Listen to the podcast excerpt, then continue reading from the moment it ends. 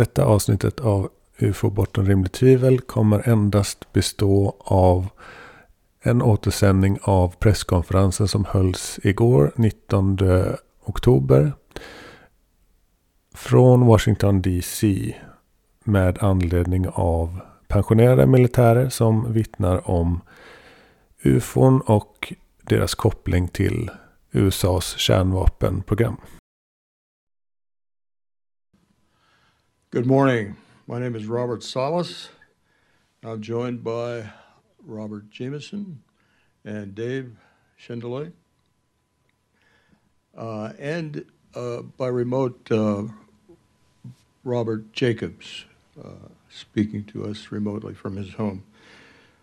Uh, we're all uh, proudly served in the U.S. Air Force, and we are all witnesses to what's called now the unidentified aerial phenomenon. Um, and we're witnesses to those uh, that phenomenon with respect to nuclear weapons. Och där följer en intervju som inte går att lyssna på på grund av ljudet. Men den kan sammanfattas så här att det är Clarence Bud Clem som i en intervju från 2013 berättar om att han eh, i januari 1945 var stridspilot för US Navy och fick i uppdrag att eh, genskjuta och identifiera ett oidentifierat flygande objekt ut ovanför Hanford Plutonium Production Plant. Eh, och det var ett eh, lysande klot som hovrade ovanför den här plutoniumproduktionsfabriken. Och och eh, när han kommer dit eh, så flyr den iväg eh, upp på 65 000 fot och han kan inte följa efter. 2014 så bekräftades händelsen genom att Robert Hastings fick ut dokument från US Army som bekräftade dels eh, stridspiloten Clems stationering för tidpunkten och att det fanns ett objekt där i luften vid tidpunkten. Okay, that was uh, Lieutenant J.G. Bud Clem uh, telling his uh, story about early 1945. In mid 1945, uh, there was another incident uh, at the Hanford site called the Hanford Ordnance Site. And by the way, uh, this site was used to produce plutonium for the first atomic bombs. And this incident of Lieutenant Commander Roland Powell, a highly decorated World War II pilot, uh, was sent out to intercept uh, a UFO uh, that was, again, detected on radar. He chased what he described as a, having a saucer like appearance, bright, extremely fast, with a sort of vapor enveloping it. It climbed to an altitude of 65,000 feet and then just hovered. Uh, his aircraft, uh, F 6F fighter, um, had a ceiling of 42,000 feet, so he couldn't do much about it. Um, again, I'll note that the, this incident occurred in mid July of 1945, and the first atomic bomb test was July 16th, 1945. And that test used plutonium as its fissile material. I'll move on to 1947, uh, very famous Roswell crash. Actually, there were one near Corona, New Mexico, the other uh, on the plains of San Augustine, about 150 miles to the west of Corona. Uh, Roswell Army Airfield, Airfield was the home of the 509th Bomber Wing, and that was the bombers that uh, dropped the bombs on Hiroshima and Nagasaki at the end of World War II. And it, at this time, was the only operational atomic base in the country. In 1994, Congressman Steven Schiff asked GAO, Government Accounting Office, for information about Roswell. Uh, the GAO wrote him back about an, a year later, actually, uh, and, uh, re- and stated uh, outgoing messages related to Roswell were destroyed without authority. However, there was one teletype uh, from uh, one FBI office to another that the GAO did uh, include in their report. And I'll just read from parts of that teletype. Uh, it says 8th Air Force telephonically advised this office that an object purporting to be a flying disc was recovered near Roswell, New Mexico, resembles a high altitude weather balloon. But that conversation between their office and Wright Field had not borne this out, uh, this out this belief.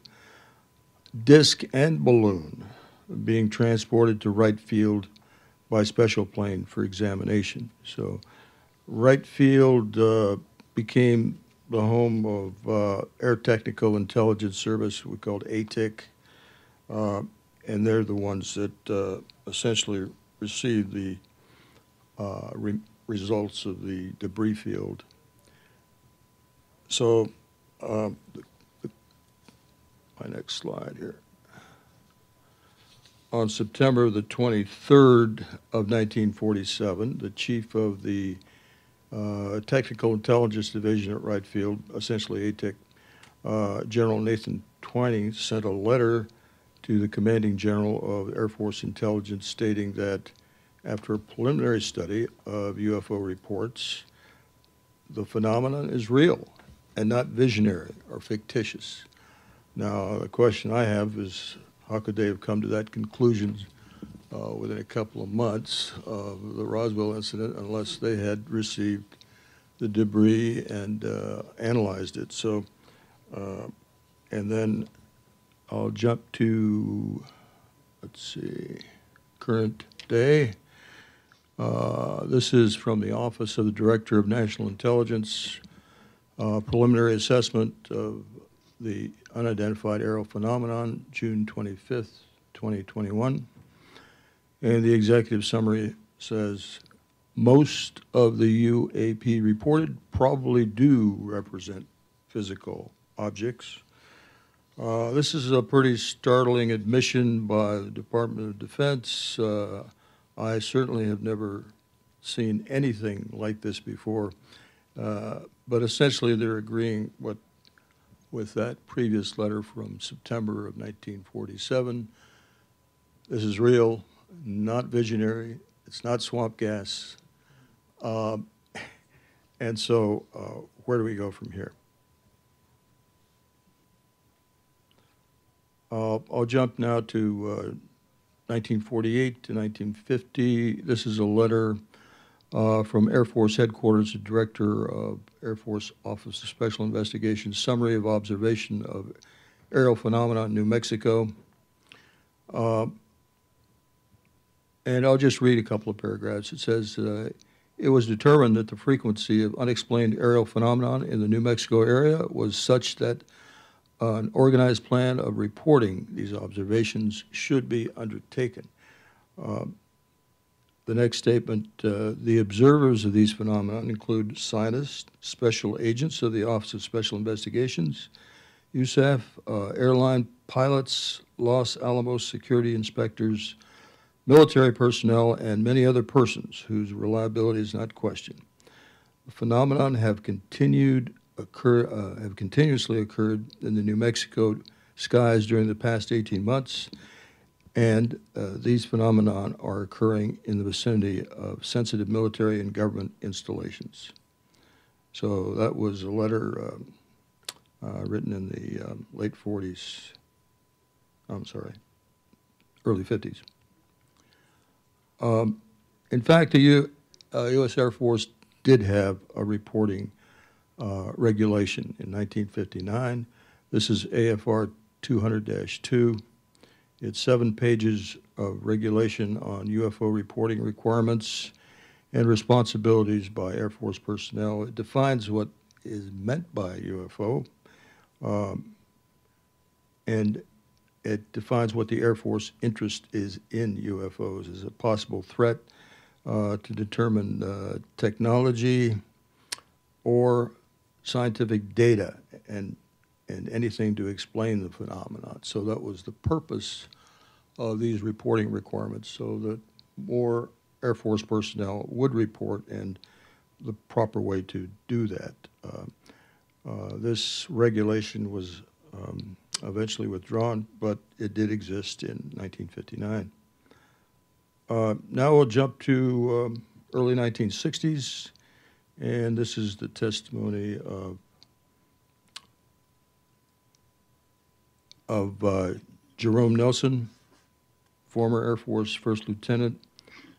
Uh, while he was uh, an Atlas missile crew commander uh, at Walker Air Force Base, which is formerly Roswell, in 1964. On six different occasions, maintenance crews reported UFOs overhead and again directing a beam of light on the missiles. Uh, so Lieutenant Jamison uh, is still living, by the way. Uh, and so uh, he was anxious to, again, repeat this story for you. And now we're going to uh, go by remote connection, I hope, to uh, Dr. Robert Jacobs.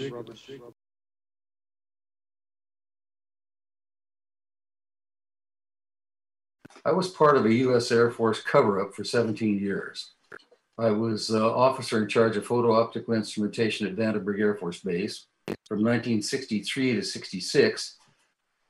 And during that time, I was in charge of a 100 man unit that was responsible for providing engineering sequential photography for every single launch from the from the Western Test Range, which was at Vandenberg Air Force Base.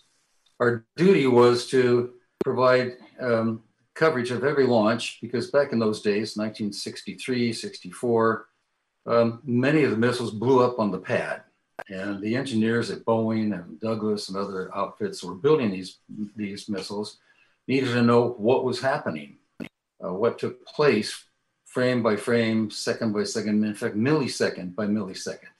We'd have uh, about 30 cameras set up on every single launch. We'd have three tracking sites to provide uh, triangulation for the things.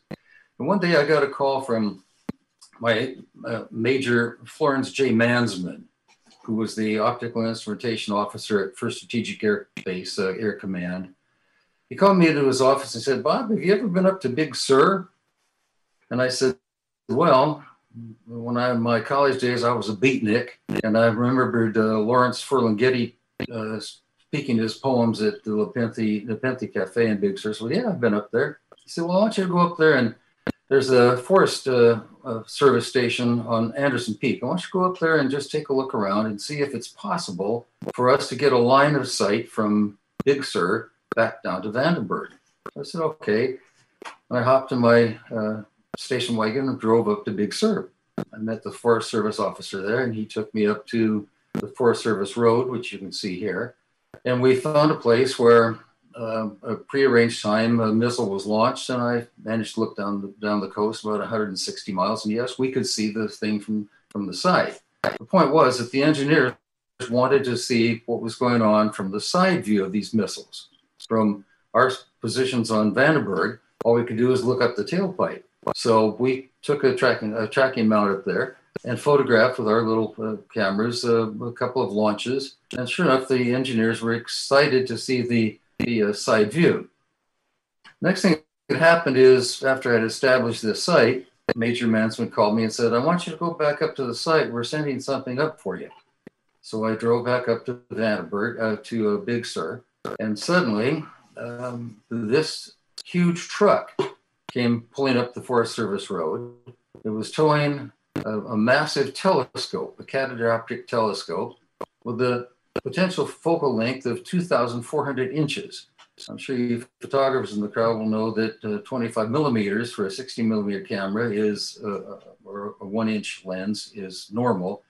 Imagine a 2,000 uh, uh, inch telescope. That's it that you're seeing on the screen right now we set this telescope up and did a couple of tests with it, and then something magical happened, something that changed my view of the universe and our position in it. On September 14th, 1964, there was a launch of an Atlas D missile from Vandenberg. And this group that you see here in front, I'm the guy wearing the MG jacket. We were told to wear civilian clothes up there so we didn't get the natives riled up. Uh, there was an early morning fog bank as we looked down the coast toward Vandenberg. Suddenly, this missile popped out and flew down range beautifully against the, the, the clear sky. Now, we couldn't see what the telescope was seeing. So I need to explain to you why we missed it on the site. This telescope had a, an image orthicon tube, which was attached to the telescope. So the signal went from the telescope into the image orthicon tube, and a 35 millimeter Mitchell camera was established shooting a picture of the surface of the image orthicon tube. It was called kinescope recording. For those of you old enough to remember kinescope recording from uh, the old days of TV. So it was covered with a black shield and we couldn't see what, what was in there. Anyhow, we watched this missile go until it went out of our sight, but the 2000 inch telescope, which at that point had about a focal length of a thousand inches, locked down on it. We were radar tracking it, locked down on what was in. We couldn't see what was what was in it. Um, but we were all celebrating, jumping up and down, saying, "Yeah, we got it! The engineers are going to be so happy." And um, the, the, the, the folks from uh, from BU who brought the telescope out to us were happy and everything settled down. I went back to, to Vandenberg. Two days later, I was called by Major Mansmann. He said, uh, Lieutenant Jacobs, uh, I want you to come to my office right away. A major tells you to do something and you're a lieutenant, you do it. So I hustled over to, to First Strategic Air uh, headquarters. I walked into Major Mansmann's office and I'll describe for you what I saw. There was a table set up in his office, and on the table was a 16 millimeter, millimeter projector. There was a daylight screen on the wall uh, uh, uh, adjacent to it. There were two guys, two men in gray flannel suits. There was Major Mansmann and his office over, over here, and here was the screen. Major Mansmann said, Lieutenant, sit down. And I did. And He said, Now watch this. He turned the projector on, and the most amazing thing happened we could see the three, uh, uh, the bottom three stages of that rocket filling the frame from 160 miles away. It was amazing. Uh, the clarity was beautiful, and that thing took off, and we watched it go through all three stages of powered flight stage one, stage two, stage three. And then we saw, incredibly, at a long, long distance, the thing was now heading for Kwajalein. And the nose cone opened up and radar chaff, essentially aluminum foil, spread out in front of it. Here's what, what the function of the aluminum foil was. We were testing uh, to see if we could launch a, nuclear warhead into an orbit slightly above the nuclear chaff so that the Russians would aim their anti-missile missiles at the chaff and our little warhead would go spoop like this and fly over and obliterate Moscow. That's the game we were playing was horrifying to think about in, in retrospect. Anyhow, as the thing was flying along, we saw the, the warhead uh, eject in over the chaff, and it was flying along. We're going about 8,000 miles an hour now. And suddenly, from in the frame, we saw an object come in from the same way we, we were going, 8,000 miles. This object flew in. Um, I'm trying to do something here on the screen so you can see. The object flew in, it it came up to our warhead. It went around the top of the warhead, fired a beam of light down onto the top of the warhead, went around to the front of the warhead. We're all traveling at about 8,000 miles an hour here. Fired another beam of light, went down below the warhead, fired another beam of light, went around the way it had come in, fired another beam of light, and then flew out of the frame the same way it had come in.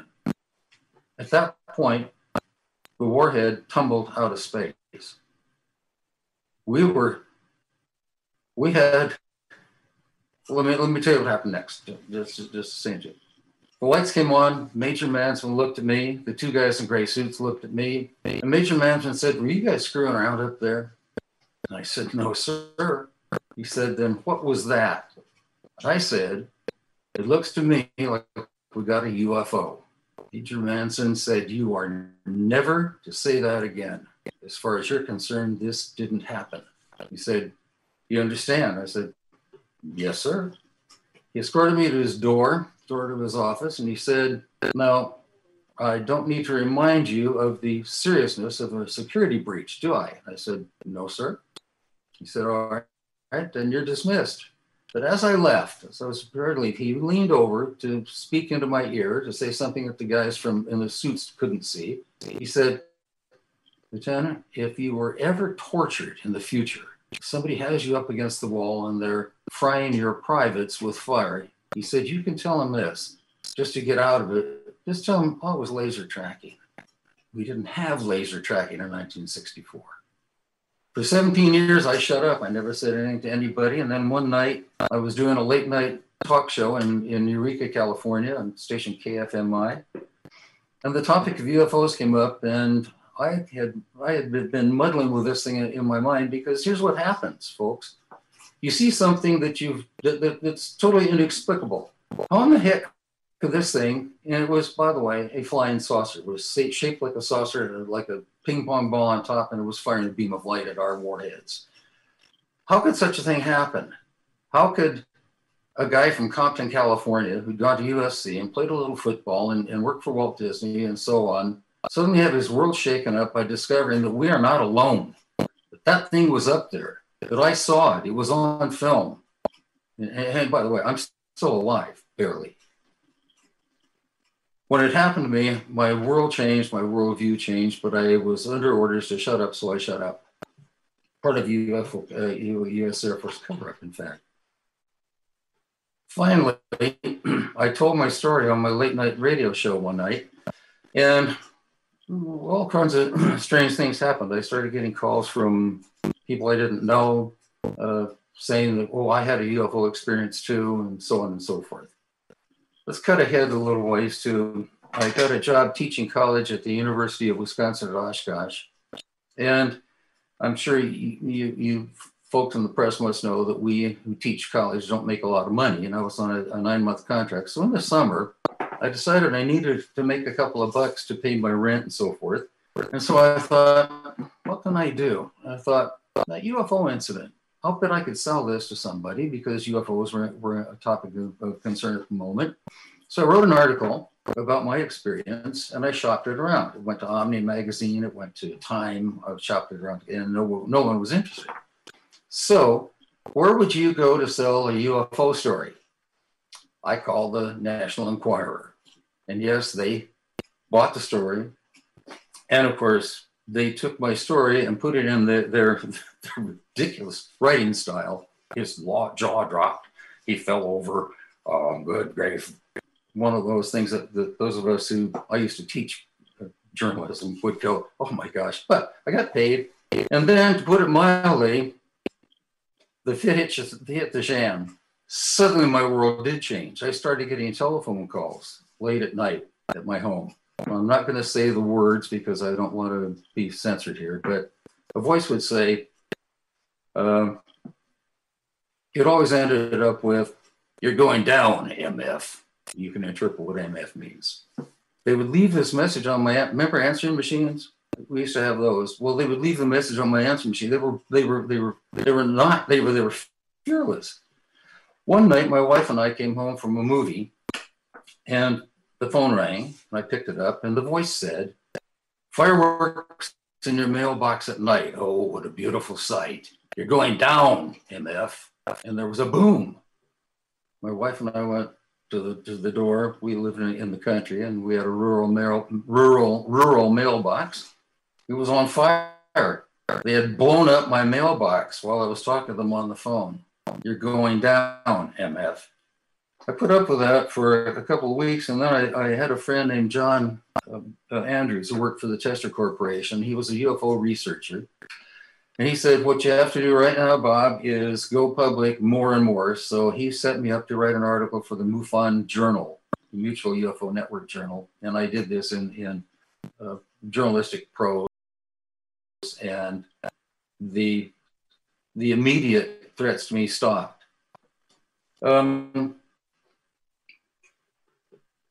having been part of a cover-up for so long, and then having been threatened, having literally had my my life threatened, I later lost a job uh, teaching college because a guy named Phil Klass, who was a paid informant of the CIA, we're told, uh, wrote a letter to to my supervisor there at the University of Maine saying uh, that I was making up tall tales of a journalism professor and how could how could a university allow me to continue doing that and blah blah blah, and I was fired. This cover up has been going on for a long, long time. And those of us who are here today in front of you, Bob Salas, who was a, a captain in the Air Force, who actually one of those heroes who sat down in a, in a silo um, with, a, with a key and a, and a partner ready to go into Armageddon if he was ordered to do so. You can't imagine the pressure this man's been under. And what we're here today to tell you is that this is real, that you folks in the press need to get to it and tell the story and tell it correctly and never mind spin, never mind politics. This has nothing whatever to do with politics. Doesn't matter who's president or who's chief executive of any corporation. This is a real event. It is the most important event in the history of mankind. We are not alone. And then we got uh, the statement of, um, excuse me, Major Mansmann. If I can get to this. So Major Mansmann responded to, um, I think this was a journalist that wanted more information about this incident, and uh, Major Mansmann did support Dr. Jacobs in these letters, and uh, I'll just read a little bit here. We knew the missile nose cone size, but could not compare since uh, did not know how far from the, the missile the object was from the missile at the time of the beam release. The shape was classic disc. The center seemed to be raised, bubble. Not sure any ports or slits could be seen, but uh, was stationary or moving slightly, floating over the entire lower saucer shape, which was glowing and seemed to be rotating slowly at the point of beam release. Okay, uh, Dr. Jacobs, any final words?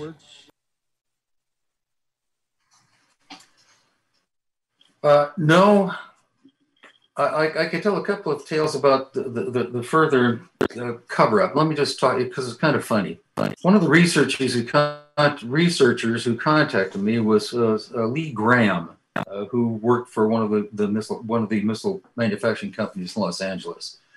He was quite interested in UFOs. He pursued the, the thing throughout his lifetime. So he contacted me and, and I told him my story. And then he went to verify what I had told him. He contacted the Air Force to inquire about Lieutenant Robert M. Jacobs. They told him there was no such Lieutenant Robert M. Jacobs, nor had there ever been. He went to Vandenberg. He said, um, he, he asked them if there had been a Lieutenant Robert M. Jacobs as officer in charge of optical instrumentation in the 1369th Photo Squadron. He was told no such officer ever existed. He pursued his, his research. He wondered if there had been a missile launch on September 14th, 1964. He was told there was no such missile launch ever, ever, ever taking place. We continued his, investigation, and finally, the Air Force had to admit that, well, yes, there had been a Lieutenant Robert M. Jacobs, and yes, he was officer in charge of photo optical instrumentation at Vandenberg, and yes, there was a missile launch on the date uh, in question. When Lee filed a form, uh, uh, Freedom of Information Act request to get a copy of the film, he was told no such film existed. And let me verify that it probably doesn't, because there, there, there's been some controversy over whether I'm telling the truth, whether Major Mansmann is telling the truth, and I assure you that we are. He did. He is passed on, uh, unfortunately. And what we know is that the two guys in gray suits who were in Major Mansmann's office that day were with one of the government agencies that are all alphabetized. We believe it was the CIA. They took the reel of film from Major Mansmann. They took, they reeled it down and they cut off, snipped off the bit of the film that had the encounter on it. They gave Major Mansmann back the rest of the film and they said to him, We don't need to remind you of a security breach, do we? He said, No, sir. And they walked out of his office with the film in hand. Major Mansmann reported how many people had seen the film. And here's who he reported saw, saw it. He saw it. The commanding officer saw it. The chief scientist saw it. I saw it. And one other person saw it. Those are the only people who saw this film. There was a, a man named uh, Kingston George who was involved in, in, in the thing as an engineer with, with one of the missile companies. He did not see the same film that Major Mansmann and I saw.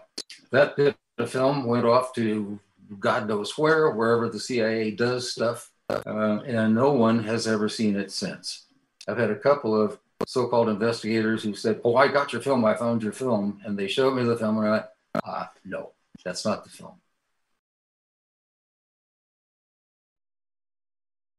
Uh, I'd like to next introduce uh, David Schindele, served in active duty Air Force from 1963 to 68.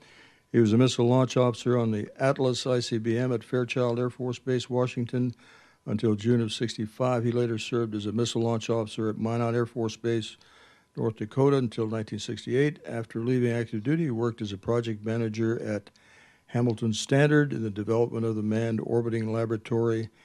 He also participated in the development of the Apollo astronaut backpacks used on the moon expeditions. He worked as a computer systems analyst until his retirement in 2004. Uh, Mr. Schindele.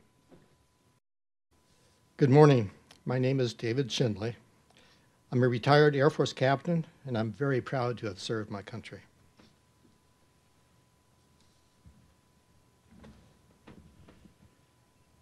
The report released by the Office of Director of National Intelligence, ODNI, on June 25th this year stated the following UAP, or UFOs, may pose a challenge to U.S. national security. Coming from an important agency of the U.S. government, this statement is very important and very significant. ODNI is the first government agency to ever publicly suggest that national security might be challenged or threatened by unidentified aerial phenomena, or by what the public has always referred to as UFOs or real objects, which is now inclusive to the government term of aerial phenomena. This summary paragraph from the ODNI report reflects the essence of the report content let me point out that it notes that safety concerns primarily center on aviators contending with increasingly cluttered air domain, and that there is a national security challenge if they are foreign adversary collection platforms. Let me be very clear. The ODNI report did not effectively address the substance of UAP, UFO concerns, as specifically directed and requested.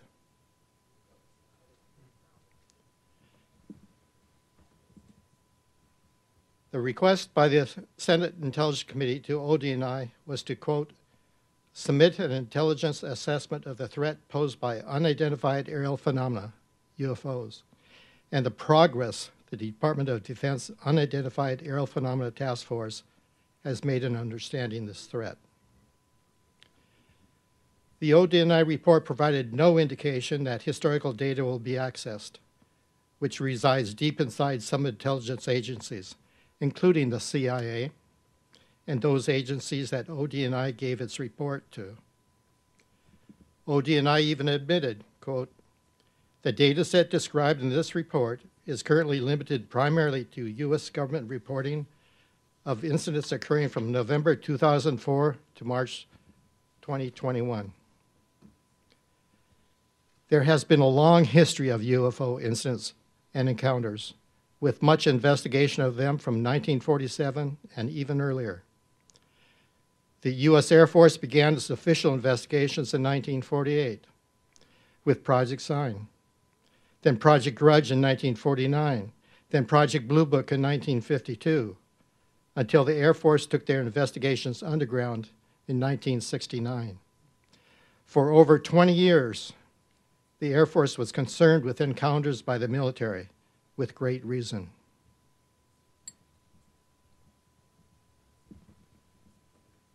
There is a great deal of evidence from the past, consisting of witness testimony and documentation, which indicates that for many decades, the military has been harassed by UFOs. The objects have shown capabilities far beyond what science, physics, and the technology of today can explain and they seem to be controlled by highly sophisticated intelligence. They have demonstrated a maneuverability in flight that no human pilot could possibly endure.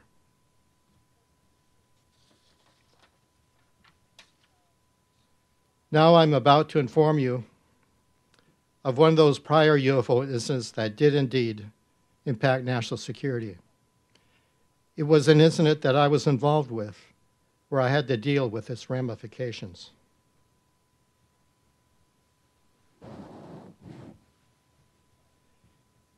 In September of 1966, I was the Minuteman ICBM Launch Control Officer and Deputy Commander of a launch crew stationed at Minot Air Force Base, North Dakota. I was involved in a UFO incident at that time where a flying object tampered with and took down a total of 10 nuclear tipped ICBM missiles by rendering them unlaunchable. It all began for me early one morning when having breakfast and listening to a television newscast by a TV station in the town of Minot. The newscaster announced that residents of Mohall, North Dakota, saw strange lights west of town that night, which they attributed to a UFO. This caught my attention because I was scheduled to relieve, replace the current Minuteman launch crew at November Flight Launch Control Center, which is three miles west of that town. When I attended the pre departure crew briefing on base that morning, where 15 two man officer crews would meet each morning prior to going to their assigned launch control centers, we were told that a few missiles at November flight had gone off alert, but nothing more was said on this. After the briefing, several missile crews came up to me and mentioned about what they heard on the news that morning. And my crew commander also acknowledged he heard the news. When my crew commander and I arrived at November Flight Launch Control Facility, which was a drab green nondescript building surrounded by a high fence and located 37 miles from base, my commander entered through the front door of the building to debrief security guards. Upon entering the rear door of the building, I was met by the site manager, who was a tech sergeant, and he asked if I heard what happened overnight. I responded by stating I knew that residents of Mohall reported sighting strange lights during the night. He then took me to the day room and its west facing windows, and he described to me what he and others had seen that night. He described a large object just outside the perimeter fence with bright flashing lights, but without noise, and it hovered close to the ground. I estimated the object to be 80 to 100 feet wide based on how he gestured its size with his outstretched arms. After many minutes passed, the object then glided to the north end of the building and out of sight. But it then became visible to security guards in the control section of the building. The object, which hovered just outside the main gate, was slightly blocked from view because of the large garage located inside the fence to the right with security and other personnel viewing the object through security control windows, and with security personnel preferring to remain in the building. It was just a short period of time before the object abruptly took flight, and it disappeared within a second. There were eight people topside within the building who saw this object, and it included six security personnel, a facility cook, and the site manager. They all confirmed it was a terrifying experience to behold, which I could tell by the tone in their voices and the expressions on their faces. They knew the object was not a helicopter, and base choppers normally did not fly at night, especially without notice to the facility. My commander and I then entered the elevator next to the security center, which lowered us 60 feet below ground to where the hardened launch control center capsule was located. When we arrived, the blast door was to the capsule was open for us, and we walked in. We were greeted by the two officers of the launch crew who were waiting for us, but we also immediately glanced at the launch control console located at the opposite end of the room, which displayed the status of the 10 nuclear tipped missiles. With the missiles positioned in hardened underground secure silos located many miles away in all directions from us, the lights on the console indicated they were all off alert and unlaunchable. The The on duty crew told us that the missiles went down when the flying object was hovering next to the main gate and above the underground capsule. The crew was communi- communicating with the head security guard topside during the entire time of the incident. The crew discussed this situation extensively with my commander and I, and then we all went through the formalities of crew changeover. When the crew left, we closed the blast door behind them, and then my commander and I settled in to monitor our 10 inoperable nuclear tipped ICBM missiles. All the missiles indicated guidance and control system malfunction.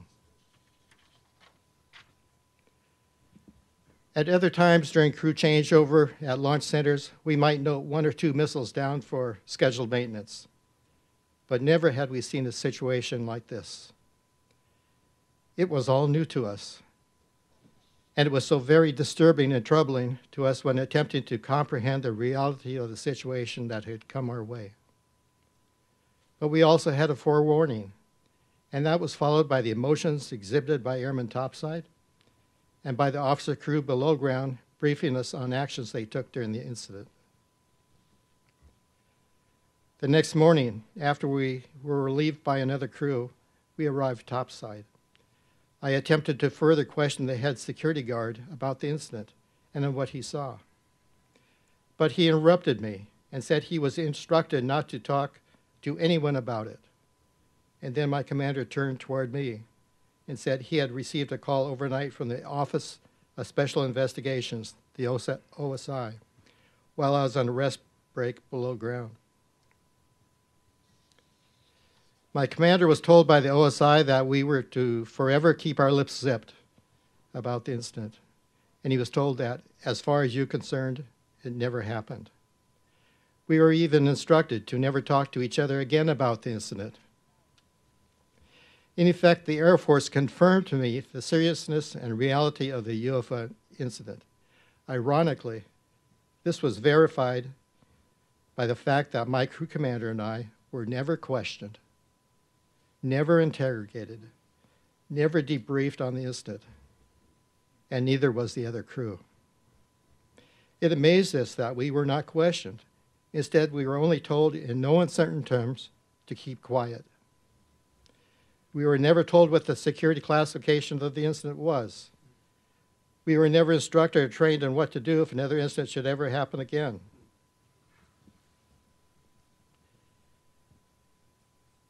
And other missile crews were never informed of our incident or of the other UFO incidents in the missile field at the time.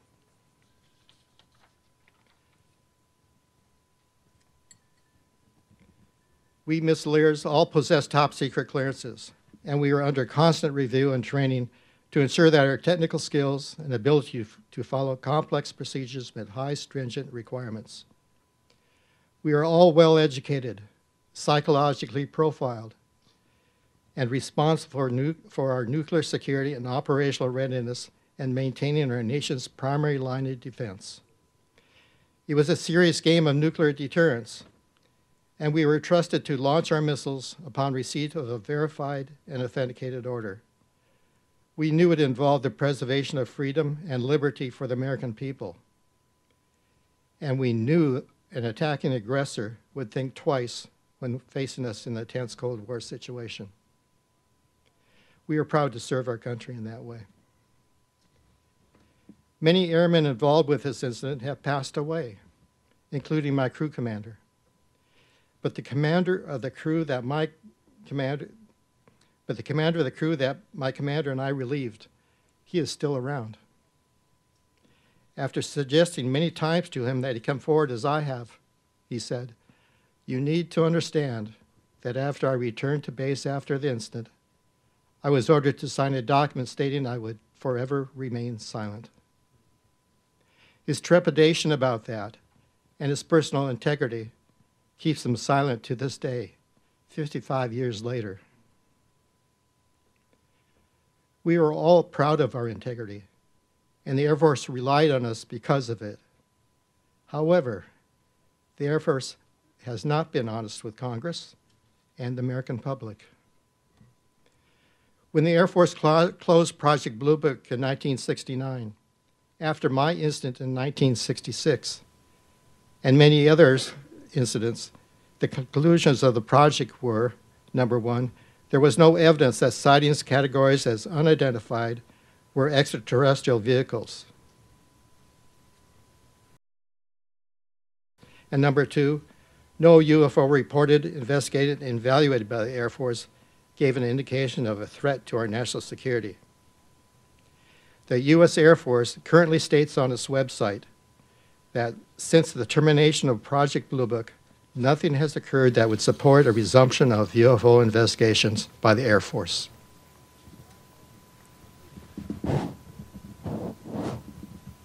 Let me get the slides. Right here.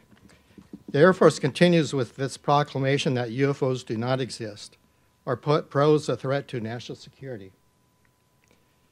I was held hostage to both those lies for about 40 years. And it is past time for the truth to come out and be revealed. Congress and the intelligence community have a responsibility here. And others must be released from the burden of holding back the truth.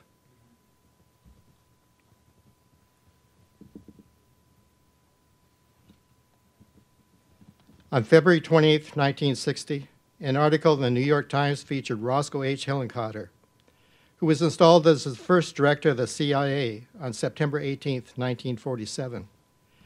Prior to becoming the CIA uh, director, Hillenkotter was director of the U.S. Central Intelligence Group, which was during the time of the famous Roswell incident in July of 1947.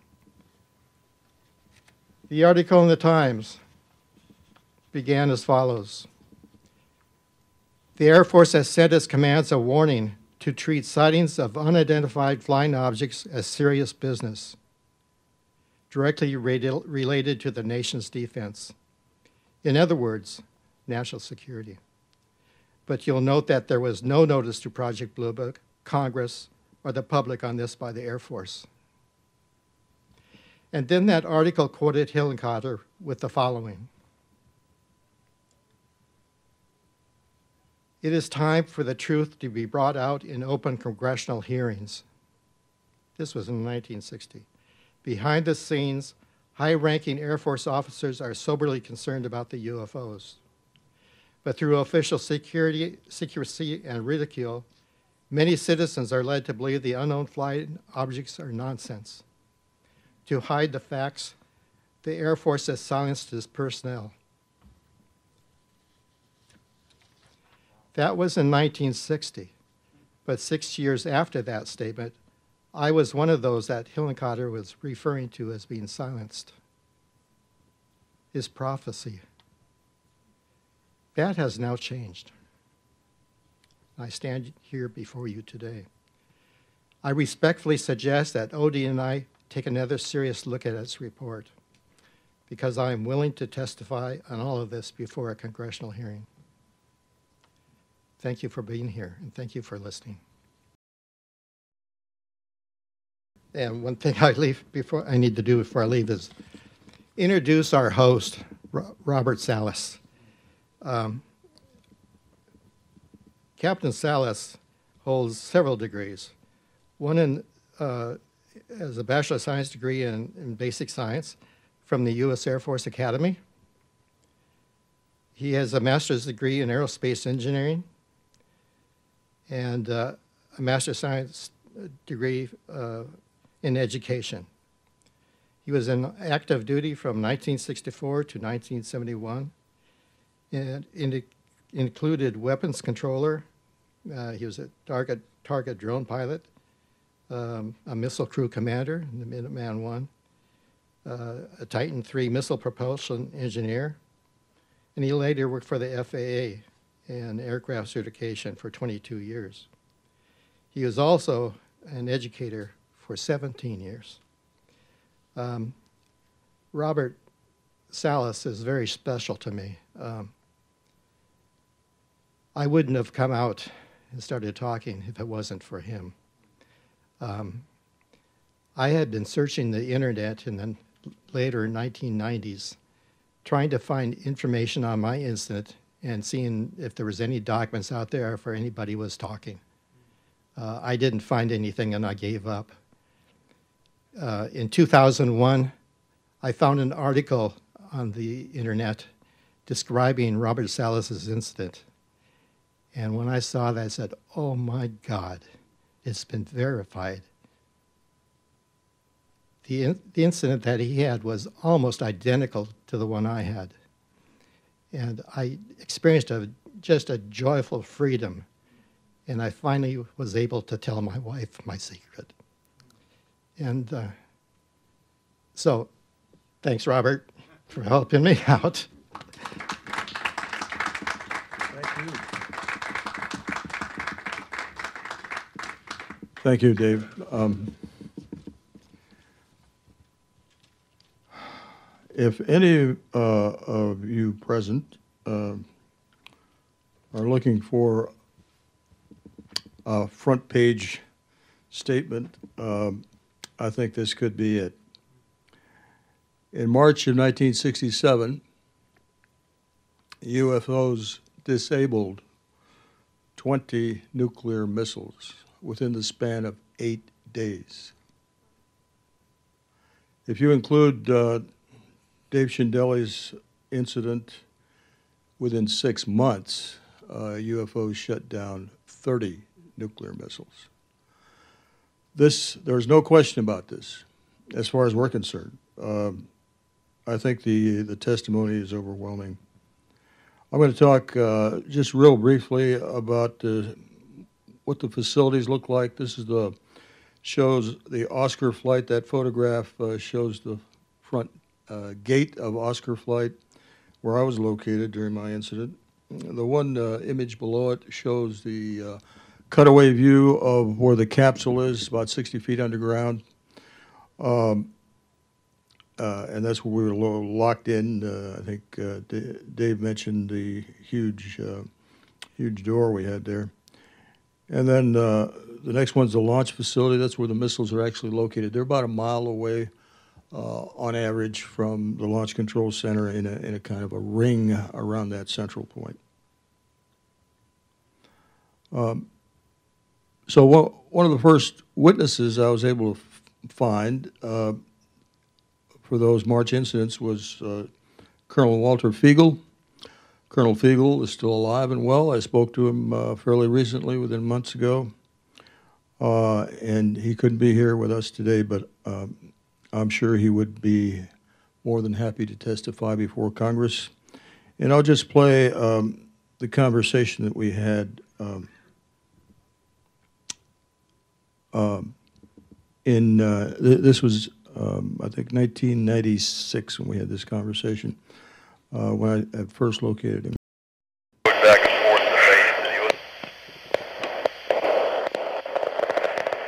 Because they were doing maintenance on, I don't know, the guidance cans or something. And uh, the maintenance crews were staying over, and there was security and maintenance on site on both, uh, uh, those, on two of the ten sites. And when the first one went down, and I talked to the the security out there, they had reported this UFO hovering over the site. And I said, yeah, right, what are you guys drinking out there? And we struck uh, strike teams to both of the sites that had been occupied. And uh, for both strike teams, I didn't tell them what we had heard uh, you know, via the, the LF radio. And I told them to you know, go to get within a mile of the site and call back in on the VHF. And uh, they both had, had reported it too. So we had two maintenance crews, two security troops on site, and two strike teams all reporting it. Is that right? Yep. Do you remember any of the names of any of those guys? Nope. So right after I talked to Colonel Figel, um, I gave him the information of Eric Carlson, who was his commander in the uh, capsule at the time.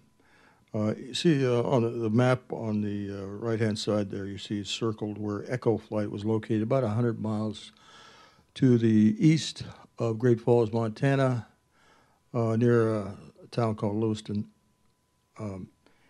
And then after a while, I got uh, these letters from uh, Commander Carlson. As far as I know, Commander Carlson is still alive, although I haven't heard from him in quite a while. And uh, in uh, in these two messages that I received from him, uh, the first one he confirms what uh, Colonel Figel just told us about the Echo flight shutdown, and also confirmed the fact that SAC headquarters sent people out there to interview both of them. So they both had interviews. Uh, one of them, I think Colonel Figel told me, was with CINCSAC, or Commander in Chief of Strategic Air Command at the time. And uh, Carlson also said we had his permission to uh, to use his name uh, associated with this, and that UFO uh, sightings were fairly common.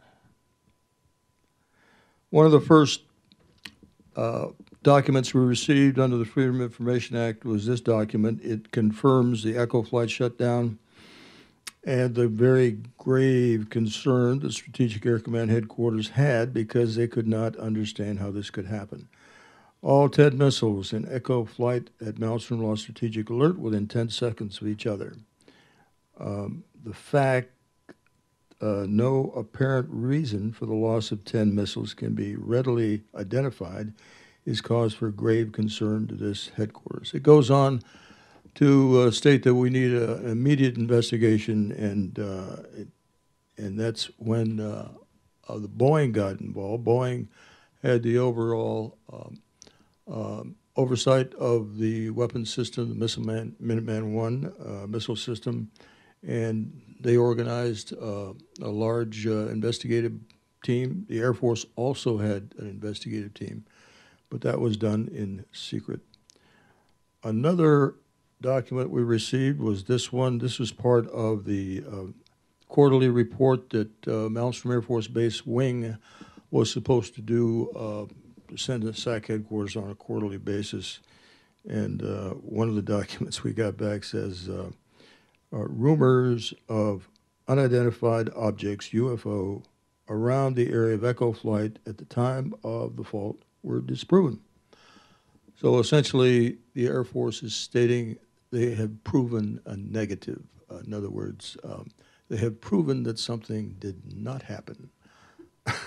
so I, I don't know how that, that's done, but uh, that's what that's what it says here in an official document. We later uh, wrote to uh, Airman David Gamble, who wrote these documents for uh, uh, the, the Malmstrom Missile Wing, and he stated, I don't recall interviews with the Mobile Strike Team or anyone in the radar squadron. What I do recall is there was a general unwillingness to discuss the subject by anyone I can contacted. Uh, there are two times that I recall when sections of the history were scrutinized and changes were made beyond editorial. Uh, these were UFO sightings history, so he confirms that there's there has been a history at Malmstrom Air Force Base of UFO sightings, and reported morale problem in the fighter interceptor squadron. That's from David Gamble. Uh, one of the things that uh, was suspected could have caused these failures, uh, and again, at Echo Flight and also my incident at Oscar Flight, uh, the um, feedback we got from the system was guidance and control system failure. Uh, we had an inertial guidance system, which means that uh, there were gyros involved. There was also called, uh, something called a stable platform, uh, where these gyros were installed, uh, and it held accelerometers and things like that. That once the missile was launched, uh, these accelerometers would provide data to the computer to calculate speed and, and also direction. Uh, and so it was um, one of the theories by Boeing, and they did a bench test, um, was that uh, this stable platform was simply uh, uh disrupted to the point where uh, it was it was useless as far as calculating the position of the missile after launch, and therefore could not be launched. Um, this is one statement, again, from an official document we received. It was the opinion of the team, this was the Air Force investigative team, that externally generated signals um, caused the generation of the two channels and shutdown of the launch facilities. The possibility of this is very remote due to the fact that all 10 couplers would have to fail in the flight within a few seconds of each other. So to extrapolate a little bit, the missiles were not interconnected in this way. Uh, they all had individual separate inertial guidance systems. So what this is saying is each of those guidance systems would have had to been uh, externally, there uh, had to be an external signal to each one separately within seconds of each other in order for this to happen, a near impossibility. Uh, one of the uh, individuals that contacted us after I went public was Robert Kaminski. Uh, he was the head of the Boeing investigative team that went out to the uh, Echo flight facilities. Uh, and he, here's what he states there were no significant failures, engineering data, or findings that would explain how 10 missiles were knocked off alert. The final report would have nothing significant in it to explain what happened at Echo Flight. I was contacted by a representative and told by him the incident reported as being a UFO event. A few days later, we were told uh, to stop any further effort on this project. We were also told um, we were not to submit a final engineering report. This was told to them by the Air Force. Um, this was most unusual since all of our work required review by customer, uh, by the customer and submittal of a final engineering report. Uh, there was a good reason for this, why the Air Force told them to cease and desist their investigation, and I'll get into that in a minute. Right now, I want to talk about the belt sighting, which happened on March 24th, 1967.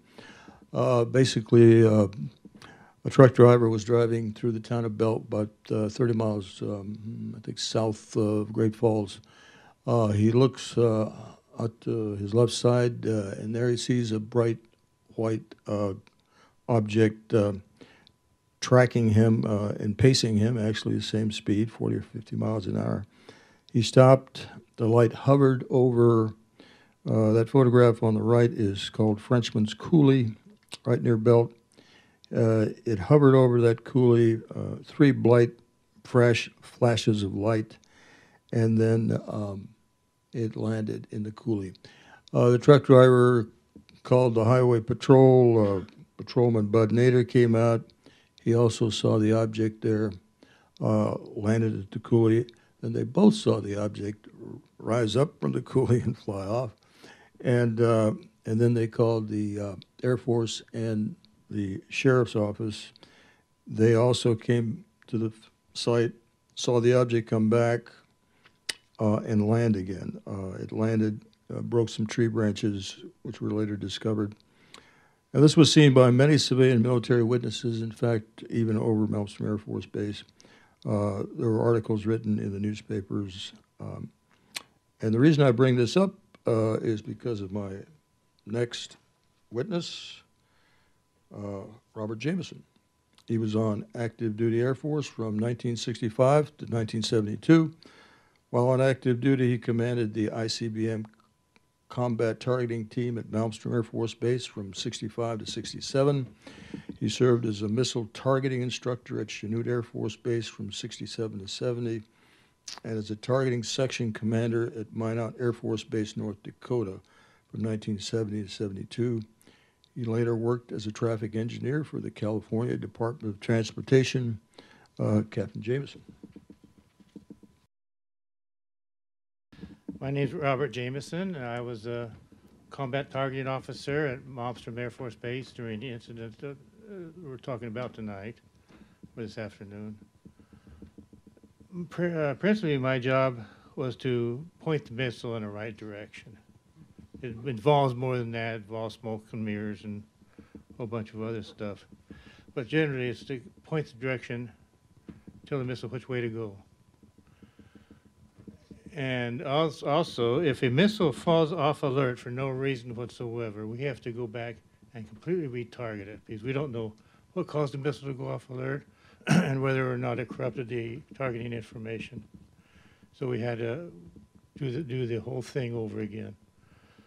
I was on alert one night, and I got a call from Job Control. Job Control is the people that keep track of all maintenance. And a missile had gone down in Oscar Flight.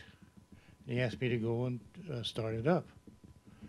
Well, that's bad news because Oscar Flight is 160 miles from the base.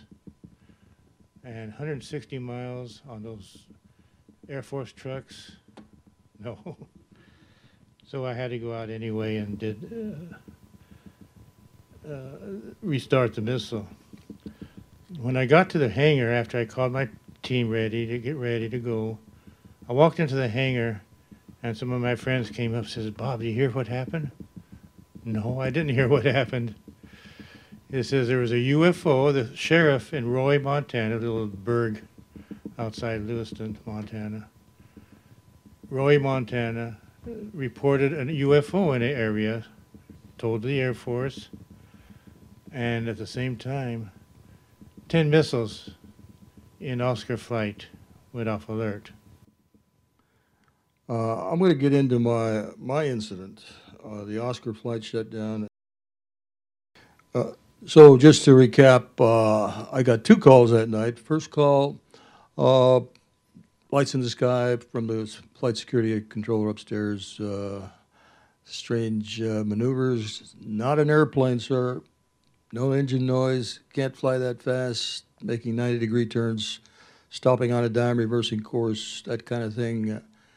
Uh, not an airplane, sir. And I kind of said, what, what do you mean? UFOs? And he said, well, I can't explain it. And I kind of shrugged, shrugged it off and hung up. Uh, the next time he called, he was very, very uh, frightened. I could tell by his voice. He was, um he was shouting into the phone, uh, screaming and saying that there's this lighted uh, object about 40 feet in diameter. Uh, it looked like an oval shape, but he couldn't be sure because it was so bright, a bright orange, a red orange light pulsating. Had the guards all out there with their weapons drawn, uh, wanted me to tell them what to do next. Uh, at that point, I did think we were under some kind of an attack. I told him to make sure the place was secure. Uh, then he said he had to go. One of his guards got injured. It turns out the guard had cut his hand on barbed wire uh, around the fenced area, and uh, uh, and that's what happened there. Uh, and then we also got indicator lights um, showing incursions at a couple of launch facilities. So that's what this next conversation is about. There. If I can get it going. here. Any reports from their field about UFOs? So I remember the two guards that had gone out to one of the sites. Uh, he finally got back scared to death. We had to relieve him of duty. Yeah. Oh, you mean uh, our guards? Yeah, Oh, I didn't know that. yeah, and roving patrol type. Oh, I see. They had gone out to one of the sites. Uh, on the LFs, and on the way back, they lost radio contact, and we ended up having to send them back to base early. I'm not sure what happened. I don't think they ever returned to uh, guard duty. And what were they scared about? Well, they had seen these crazy things. Then, Oh, they did. yeah, They reported that to you? I, they reported it to the top side guy. oh, the topside guy. That's right. Okay. Okay. Okay. Well, interesting, don't you think? Yeah. Unfortunately, Colonel Meiwald passed about 10 years ago. Uh, what was going on at this time was the Condon investigation. In 1966, around August of 66, the University of Colorado uh, was given a contract by the Air Force and uh, to study the UFO question at uh, Air Force bases. Uh, in the in the statement of the contract, uh, which was no bid, by the way, it was um, stated that uh, the con investigators would have access to all UFO reports. That means all Blue Book reports, of course, uh, but they were not told that Blue Book had classified reports. Um, at any rate, uh, at the time of the Echo and Oscar flight incidents, uh, this man here to the top left, uh, Ray Fowler, was a manager for Sylvania. Sylvania had an electrical electrical systems contract with the Air Force on the Minuteman One system, so he had representatives at Malmstrom Air Force Base who actually saw uh, these objects and um, and talked to some of the principals involved. Uh, so Ray Fowler called uh, the chief investigator for Condon, a man by the name of Roy Craig, and we were able to retrieve some of Craig's uh, notes, which are, are held in archives at one of the universities. I think it's Texas A&M, if I'm not mistaken. But at any rate, in one of the notes, uh, obviously he took when he talked to Fowler. Uh, again, the date of March 24th is named uh, only at, for the shutdown of Echo, but we know Echo happened on March 16th because of that telegram we had. But he states March 24th, which was probably a reference to Oscar flight. He then writes a letter to uh, Robert Low, who's the deputy to Condon, uh, and tells him that uh, he, he has heard that these incidents occurred, uh, Echo and Oscar losing all 10 missiles to UFOs. And uh, should we follow up on this? Well, Robert Low writes back and says, uh, no, this classified report is going to be uh, too high for us to look at. So, uh, besides, they told us that uh, it was probably a nuclear test that caused the missiles to shut down because they gave off EMP when, whenever there's uh, a nuclear test. Well, we actually checked. Actually, my um, investigator James Klotz, who's a terrific investigator, uh, checked with AEC, and they said there were no nuclear tests at the time. So, um, but what happened here was that uh, the Condon investigators simply dropped the ball here. They, they no longer investigated the Echo or Oscar flight incidents, even though they had names, lots of names of people to talk to, including the two crews, uh, et cetera. And as a result, as was previously mentioned, uh, the Air Force issued this fact sheet in, uh, I think, January of 1969. Uh, Blue Book canceled uh, based on the Condon scientific study. Well, it wasn't a scientific study.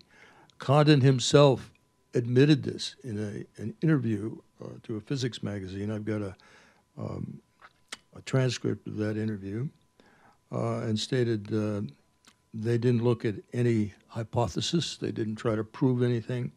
It was not a scientific study. And again, as was stated, no UFO reported investigated by the Air Force was ever an indication of threat to our national security. Uh, and this is a blatantly false statement. The Air Force knew it. They know it today. They know it's a false statement because uh, they did an investigation on it. And somewhere in the archives of the Air Force is a classified investigation of Echo and Oscar flights. Uh, we even have a reference to that, uh, a name of the uh, investigative report. Uh, and so they have blatantly lied to the public since 1969 about the fact that these incidents were, in fact, national security related. Uh, I'm going to turn now, real quickly, to um, uh, the story of Major Bradford Runyon, Minot Air Force Base, North Dakota, 1968. He was a co-pilot of B-52 coming back to land at uh, Minot when he was ordered by a general officer to uh, go around and fly around this launch facility, uh, part of the Minot missile field, and uh, and just look, uh, see if you can see see something down there. So he did, um, and uh, this diagram at right uh, on the right side is a result.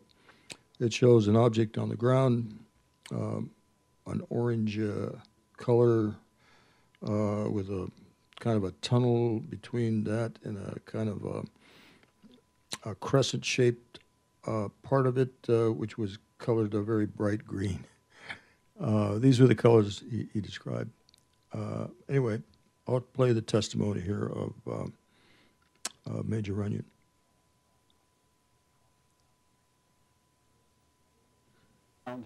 And uh, uh, uh, an alarm goes off in one of the missile silos. And uh, well, anyway, uh, so uh, turns out that this is what was told to us at the briefing by general officer the, the following day.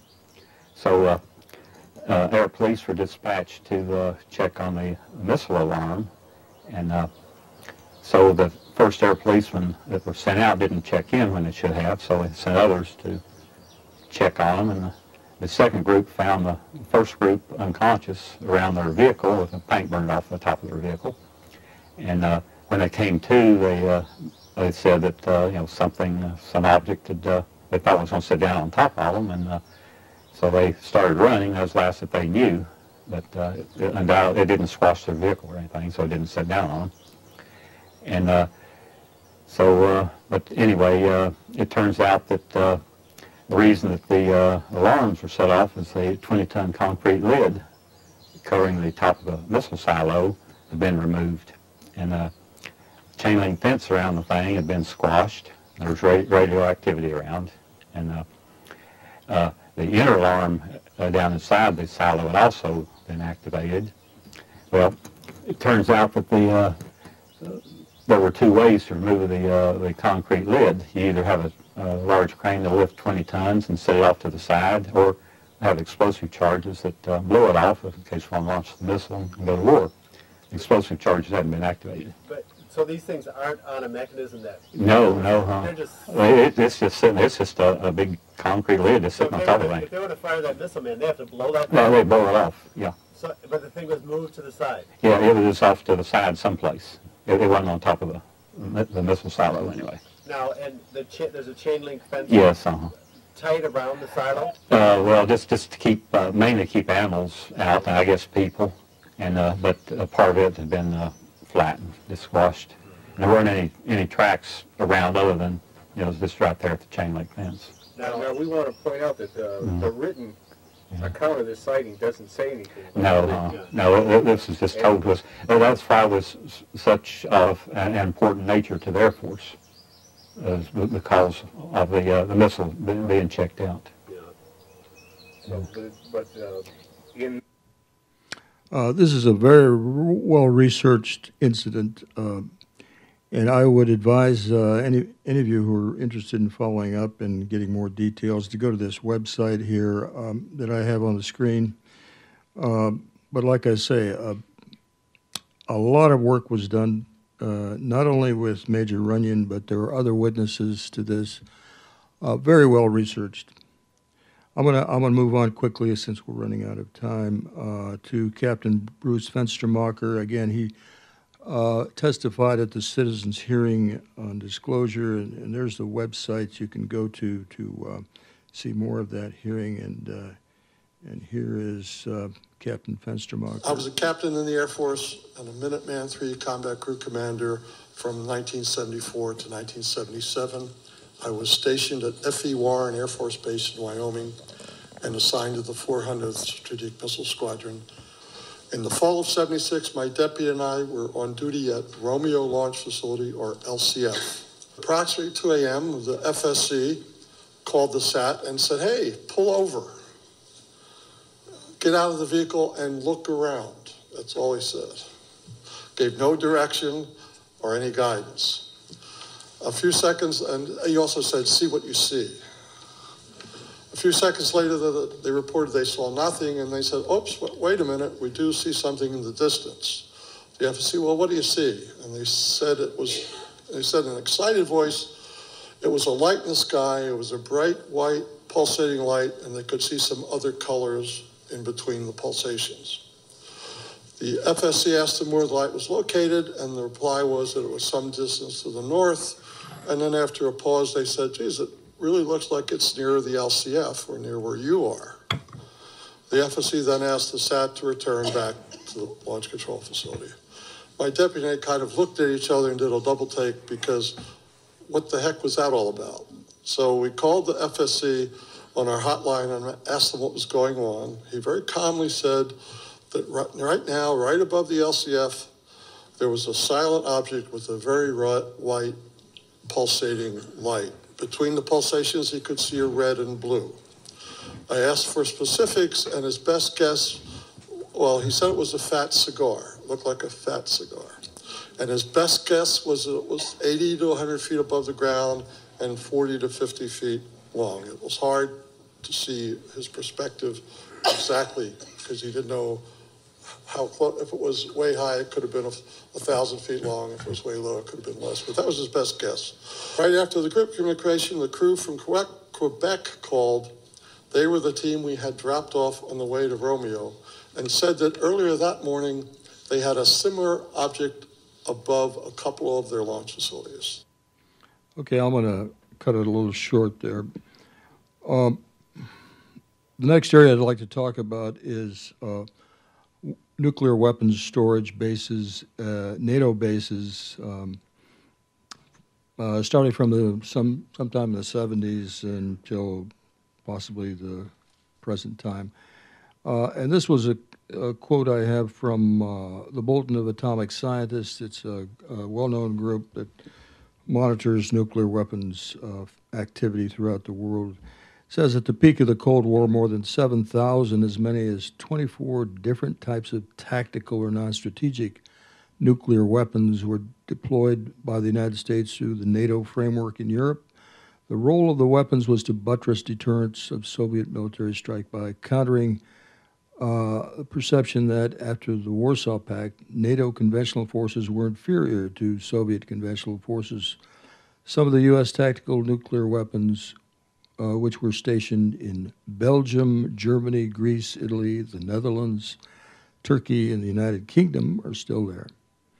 Uh, so this is just a validation of the fact that we had tactical and maybe still do have tactical nuclear weapons in Europe. Um, now, these tactical nuclear weapons or smaller weapons are still about the size of the ones that uh, were dropped on Hiroshima and Nagasaki. Uh, I just want to point to three incidents. there have been many.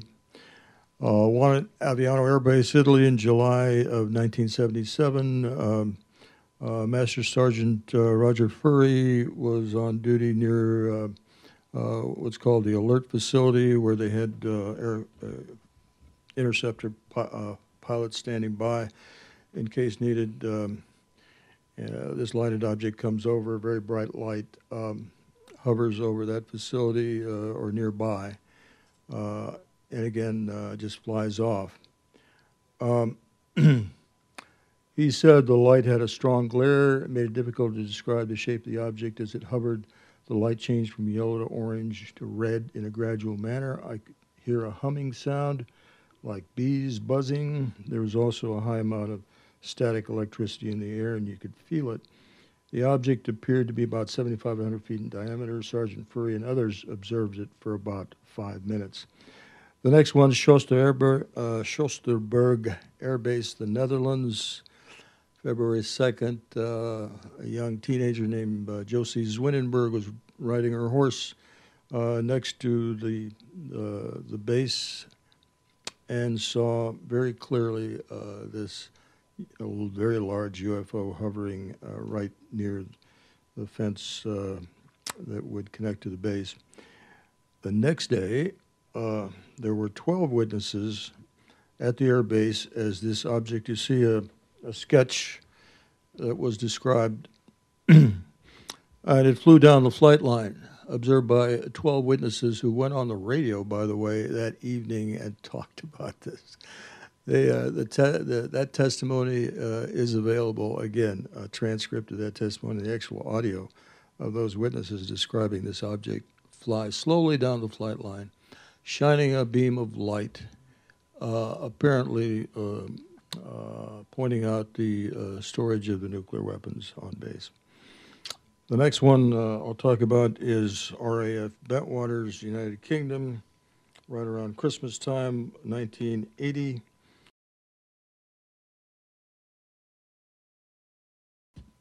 That's the end of the testimony that we're going to present today. I just want to again commend Robert Hastings. He literally wrote the book UFOs and Nukes. I would highly recommend, um, again, if you're serious about this subject, to read that. And finally, um, some concluding remarks. Um,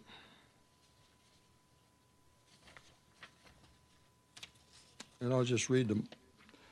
Uh, I fully realize the acceptance of the reality of this phenomenon is a giant leap for a lot of people we all tend to be comfortable with what we already think we know and don't want to rock the boat or change our perceptions of things. But we humans have had to deal with all sorts of new things in our evolutionary path in the coming days and months. I think we'll all have to deal with this reality because there is abundant and sober evidence, press, past and present, for the reality of UAP. It's undeniable. It is not swamp gas or any other quirk of nature. Indeed, the evidence that there is some intelligence and intent behind the UAP has been established by the testimonies we presented and many more which have yet to be presented. With the recent ODNI report, even our government has now publicly acknowledged its reality. The question is, can we finally get the court of public opinion to consider and accept it? Can we all give it the attention it deserves, even with everything else that deserves our attention? The cold fact is, whether we like it or not, whether it is convenient or not, the UAP reality is here. And by the way, nuclear weapons are our own inventive way we use to terminate one war. It is also a way that we could be used for the complete annihilation of humanity and other life on Earth. In my opinion, uh, just my opinion, UFOs are simply reminding us that we should seriously try to eliminate these weapons. I don't think any of us want to be looking through keyholes to know what our government is unnecessarily hiding from us. We must demand open and public hearings on this subject. Let us hear from other witnesses, government agencies, and anyone else who has been holding these secrets. We have a critical need to know. Thank you for your attention. And uh, uh, we'll entertain questions uh, in the time we have left. And we'll by the way. Um, great presentation. Um, considering the fact that these guys have basically been lying for the past 80 years, are you somewhat concerned with the threat narrative that's being created now?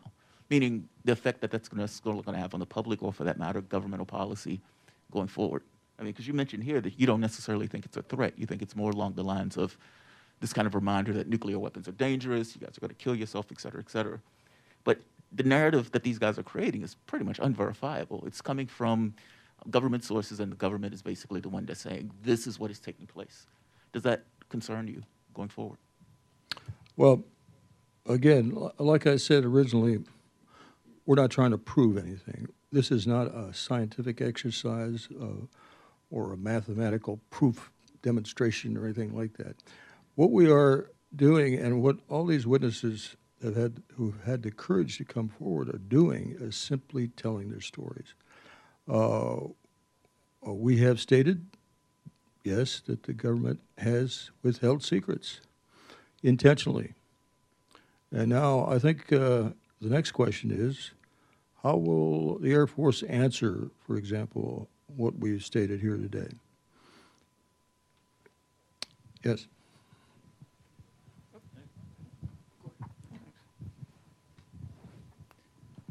Hi, um, I'm Travis Tritten. I'm the Pentagon Bureau Chief for military.com. Um, thanks for doing this. Uh, you had mentioned the ODNI report from June, and of course, the larger context here is the relatively newer witnesses and um, film evidence that we've gotten from the Navy, from the Nimitz in 2004, and then from the training areas in the Atlantic uh, more recently. I'm just wondering if you have any thoughts or feelings about that. Do you feel like you've been ignored? And what do you think has been the change? Why, why do you think things are suddenly different and you, we have Washington taking this so seriously now? Thank you. Uh, yeah, thanks. I'll, I'll give it a try and then ask these other guys if they want to comment. Have we been ignored? Well, uh, I've been st- uh, speaking about this for about 25 years or more. So, yeah, this is the fifth time, at least the fifth time I've spoken at this venue on this very particular subject. Um, I, you know, the, the media took it seriously each time. They, they wrote uh, columns, they wrote, uh, uh, and there was commentary written about it. Uh, Uh, and then they seemed to get lost. The subject seemed to kind of go away. The reason it's different this time, and, and you put your finger on it, I think, is those videos released by the Navy uh, through the help of, I think, Lou Elizondo and uh, Chris Mellon. Uh, we have to commend them for getting those released. Um, and the Navy admitting, uh, yeah, this something happened here uh, we can't explain. And you heard from the pilots, right? Uh, so that's different. And also the statement that I quoted from the ODNI report uh, stating that these probably represent real objects. Uh, so that's the first time I've ever heard a government official make a statement like that in my lifetime. Uh, you guys want to add anything? No? I did I answer your question, sir?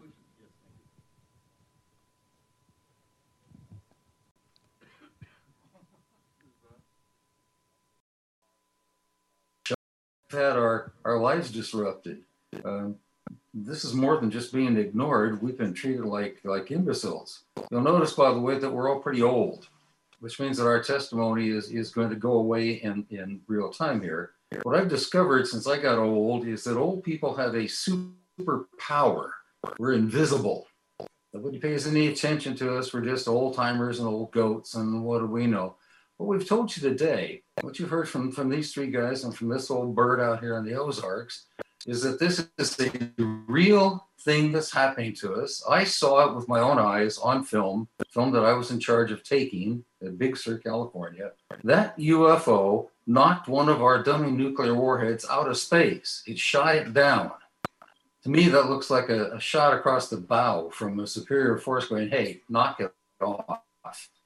And for for our government, for the U.S. Air Force part of our government, at any rate, in my case, to shut it up, to silence it, to tell me it never happened, to say shut up, don't talk about it, indicates that our government is is uh, lying to us. Uh, do they have they lied to us in the past? Well, let me see. Remember the Vietnam conflict? Remember Robert McNamara? Remember all that business about oh peace with honor and all that crap that came out of uh, our government? Robert McNamara, just a few years ago, came out and said Vietnam was a mistake. We shouldn't have done it. We were, we were lied to for, we're continuing to be lied to. I, I told you this is not about politics. I don't believe in politics when it comes to UFOs. I don't, I, you folks are all sitting there wearing masks and all that stuff. Well, is there a bug or is there not a bug? That isn't what this is about. This is about something that's more important than I can possibly explain to you. It's about the possibility of our survival. If these guys, if these things, if these creatures from wherever they are, or whatever time they are, or whatever place they are, get mad at us enough, they can annihilate our entire species just like that. They have the technology and the power that we can't even imagine. Their, their science is to us magic. And yeah, I think we've probably been entitled to some of that information, but I'm telling you folks in the press, we need to get Congress to listen to us. We need to get the message out to people that, okay, we're old and invisible, but the facts that we're telling you are terribly, terribly important. Bob? Thank you, Robert. Yes, Billy Cox.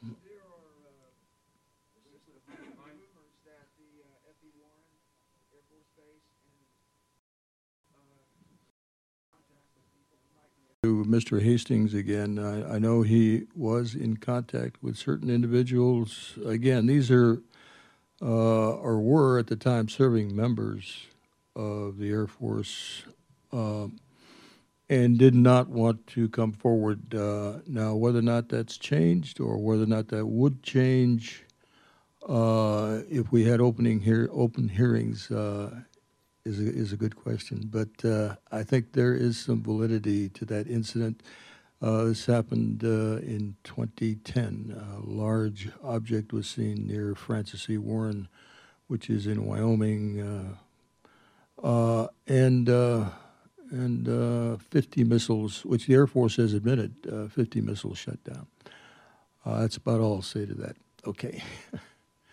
Uh, gentlemen, how you doing? Uh, thank you, David, and the three Roberts for doing this. Um, so my my question here is is uh, two points I would like to touch on here. we've heard in this subject, um, the CIA DIA and, and now the Navy, a branch of the military that has been in, encountered with this uh, UAP phenomenon. Surprisingly, um, the branch that you represent, the Air Force, and the Air Force intelligence has been really quiet, or I haven't seen any data come from this branch specifically. So, where's the pre- that we need to have pressure there at some point to to uncover whatever data they've been sitting on for decades. Uh, that's one point. The second point you just touched on is there's something that's happened more recently around nuclear facilities that we probably won't hear of for another 10, 20 years as people start retiring or coming off their command shifts that have happened um, since then. So th- those are my questions. Uh, You guys want to respond to that?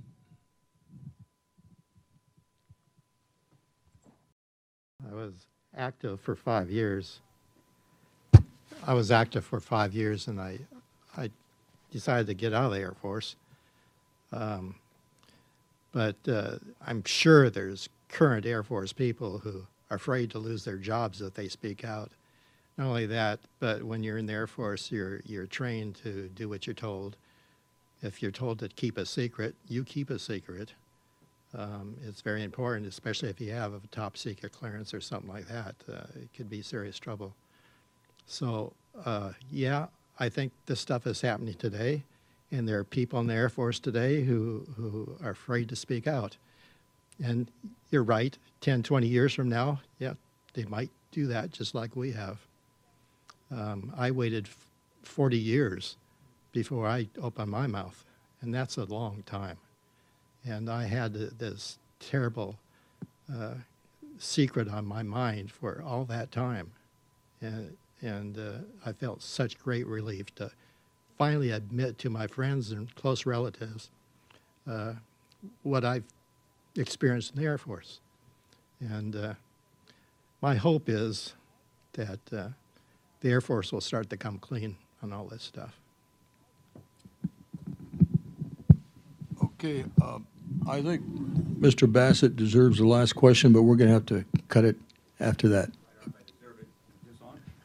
I don't know if I deserve it, Bob, but uh, Steve Bassett, Paradigm Research Group. Uh, the officers from the key early incidents obviously are in their 80s, early to mid 80s, and many of them have passed. Now, the security personnel, topside, the younger fellows are now in their early 70s. Uh, many of them actually saw the craft. Are you aware of any of these security fellows that were up top that are prepared and willing to come and testify before Congress? Uh, Okay, Mr. Um, I'm not aware if they're prepared to testify before Congress, but I've talked to a couple of security guards uh, in person, um, and uh, they're very intimidated to come out and speak.